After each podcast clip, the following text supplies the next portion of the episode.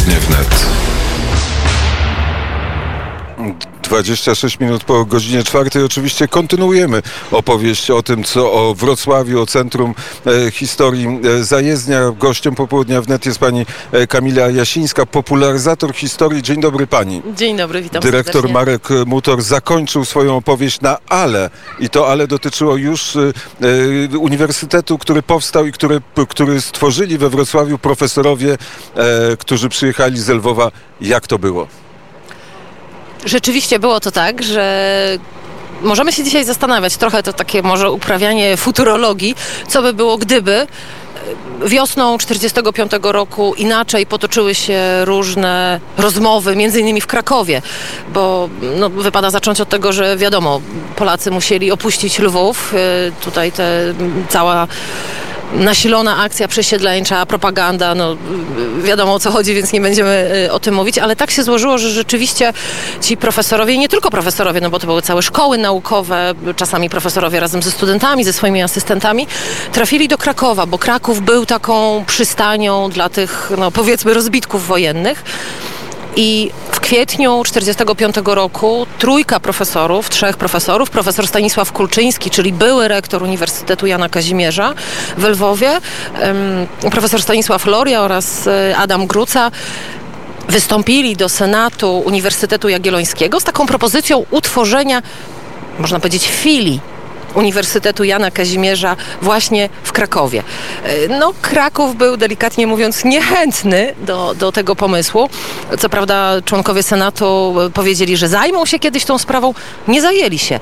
Może dzięki temu mamy dzisiaj właśnie we Wrocławiu dwie uczelnie ogromne, z których no, wyrosły w zasadzie wszystkie inne, czyli Uniwersytet Wrocławski, Politechnika Wrocławska, te dwie uczelnie, które po wojnie przez kilka lat funkcjonowały w ścisłej wspólnocie akademickiej i one mogą się dzisiaj szczycić lwowskimi korzeniami.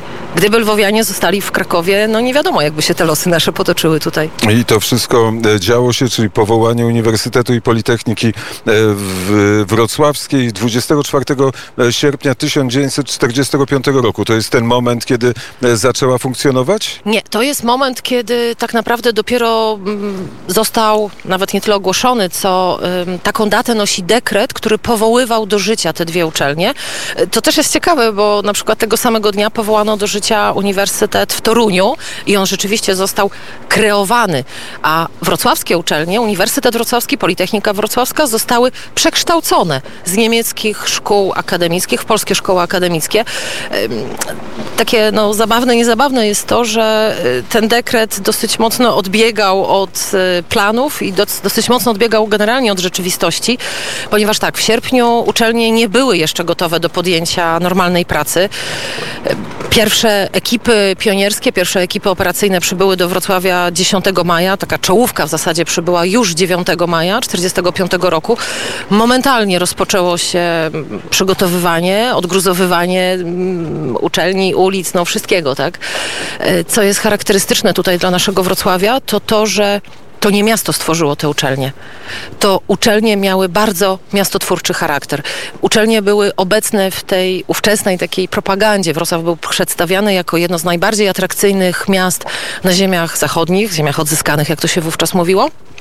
I właśnie uczelnie zajmowały bardzo no, ważne miejsce. Ale w tej, Taki wabik. ale w tej e, propagandzie słowo Lwów e, nie było używane. Nie było powiedziane, że to z Lwowa e, profesorowie przyjechali, założyli uniwersytet i tutaj jest lwowska szkoła nauczania. Tego nie było. No tego nie było, tego nie było, ale rzeczywiście wiele osób, znamy takie przypadki, gdzie, gdzie no, byli lwowianie, trafiali w różne miejsca, do Krakowa, do Lublina, nie bardzo wiedzieli, co ze sobą zrobić, ale środowisko wiedziało, że, że Lwów zapuszcza korzenie tutaj we Wrocławiu, który tak naprawdę przecież jeszcze nie wiadomo było, czy, czy, czy coś się nie zmieni, czy on na pewno będzie polski. I czy, I czy profesorowie nie wrócą do Lwowa, bo pewno ta tęsknota do Lwowa była tutaj silna, obecna i trwała No życie na przez... walizkach, tak. No to nie tylko u profesorów było, że tak powiem, na, na, na co dzień obecne. Rzeczywiście było to życie na walizkach, ale charakterystyczne jest też to, że ci profesorowie, tak mówimy profesorowie, ale wiadomo, to nie chodzi tylko o osoby z tym tytułem naukowym, tylko generalnie to środowisko akademickie. y, oni nie myśleli na początku za bardzo o sobie, nie myśleli o tym, że gdzieś przecież jakieś mieszkanie trzeba mieć, gdzieś trzeba, no nie wiem, żywić się, tak? Chodziło się do stołówki, mieszkało się w hotelu akademickim, takim Mirus, zorganizowanym właśnie dla pionierów, bo było bardzo ważne i jasno określone zadanie. To było zadanie postawione przez profesora Kulczyńskiego. Jesienią 1945 roku mają ruszyć uczelnie. I tak naprawdę, kiedy ten dekret był wydawany 24 sierpnia, uczelnie nie były jeszcze gotowe do podjęcia normalnej działalności. Zapisy dekretu też rozminęły się z rzeczywistością, bo tak naprawdę uczelnie powstały w zupełnie innym kształcie niż e, no, tak, jak stanowiło prawo, bo właśnie powstały jako Uniwersytet i Politechnika we Wrocławiu niby dwie uczelnie, ale tak naprawdę jedna, zespolone przede wszystkim jedną osobą rektora, wspólnym senatem, wspólną administracją i różnymi instytucjami, a przede wszystkim też jeszcze jednym wspólnym wydziałem nauk ścisłych. A czy wyobraża sobie pani czasami, jak ten Wrocław y, y, wyglądał 25 sierpnia 1945 roku? Co tu było? Wszyscy się tu uwijali jak mrówki rzeczywiście w sierpniu już było wiadomo, że to już był ten moment, kiedy Kulczyński powiedział, że postaramy się ruszyć e, jesienią. Ta data zresztą wybrana na inaugurację 15 listopada wcale nie była przypadkowa, bo też z jednej strony chodziło o pokazanie tej ciągłości z tradycją chociażby Politechniki Lwowskiej, Uniwersytetu Jana Kazimierza, bo to dla Lwowa, dla Politechniki Lwowskiej jest ważna data. Z drugiej strony też chodziło o pokazanie tego, że Wrocławskie uczelnie z jednej strony kontynu są kontynuacją tej kultury kresowej, ale z drugiej strony budują się i tworzą się na tych niemieckich e, tutaj murach, no w zasadzie gruzach murów. E, a 15 listopada 1702 rok znowu, no to jest początek e, najstarszej wrocławskiej uczelni, czyli Uniwersytetu we Wrocławiu, Uniwersytetu Leopoldyńskiego. Więc ten 15 listopada rzeczywiście jest taką dosyć ważną datą. Czyli była świadomość odwoływania się do tradycji uniwersyteckich Wrocławia.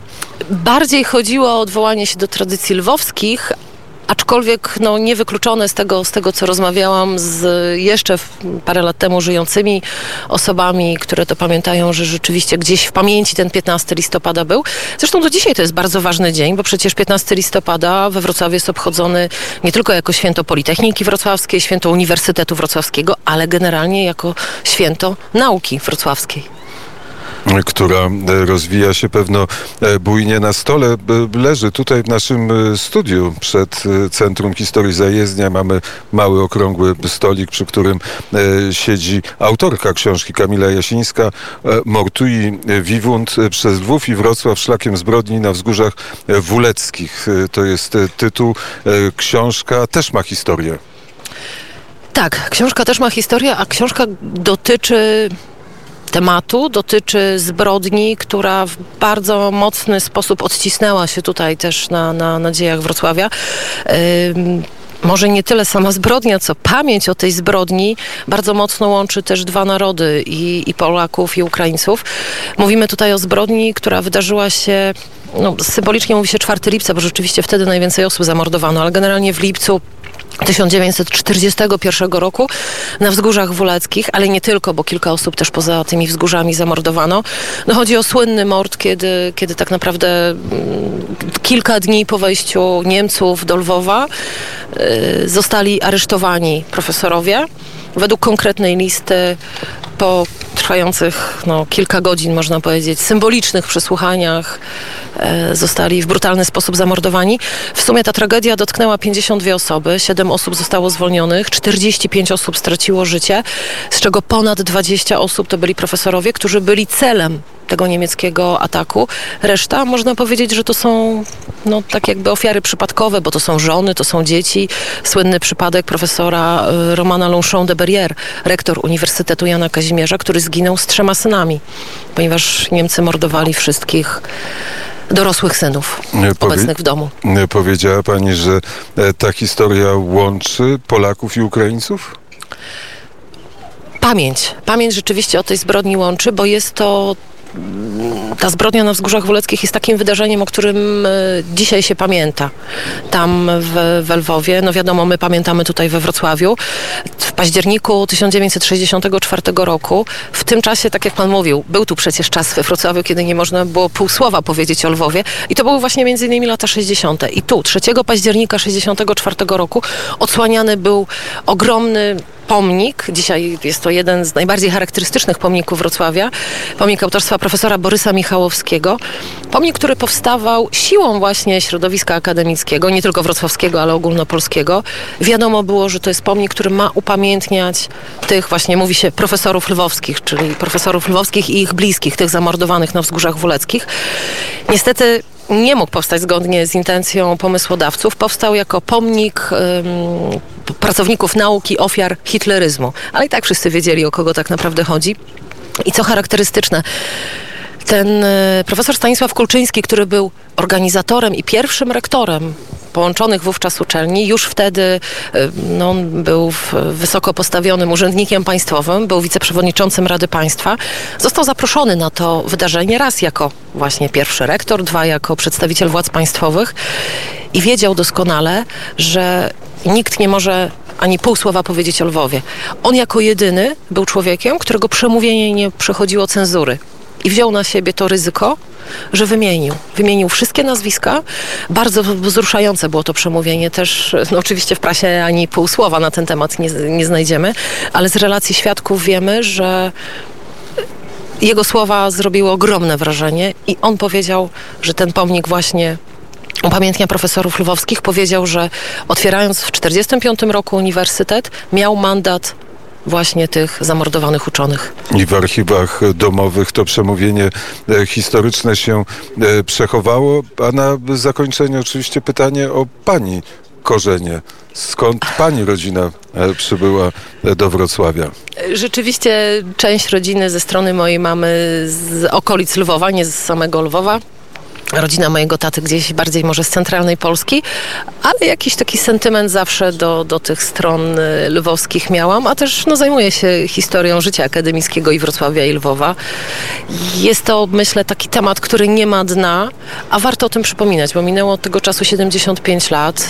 Y, W tym roku Rada Miejska Wrocławia w styczniu podjęła decyzję, że bieżący rok będzie rokiem profesorów lwowskich w znaczeniu tych profesorów lwowskich, którzy tutaj do Wrocławia przyjechali w 45 roku i tworzyli te uczelnie.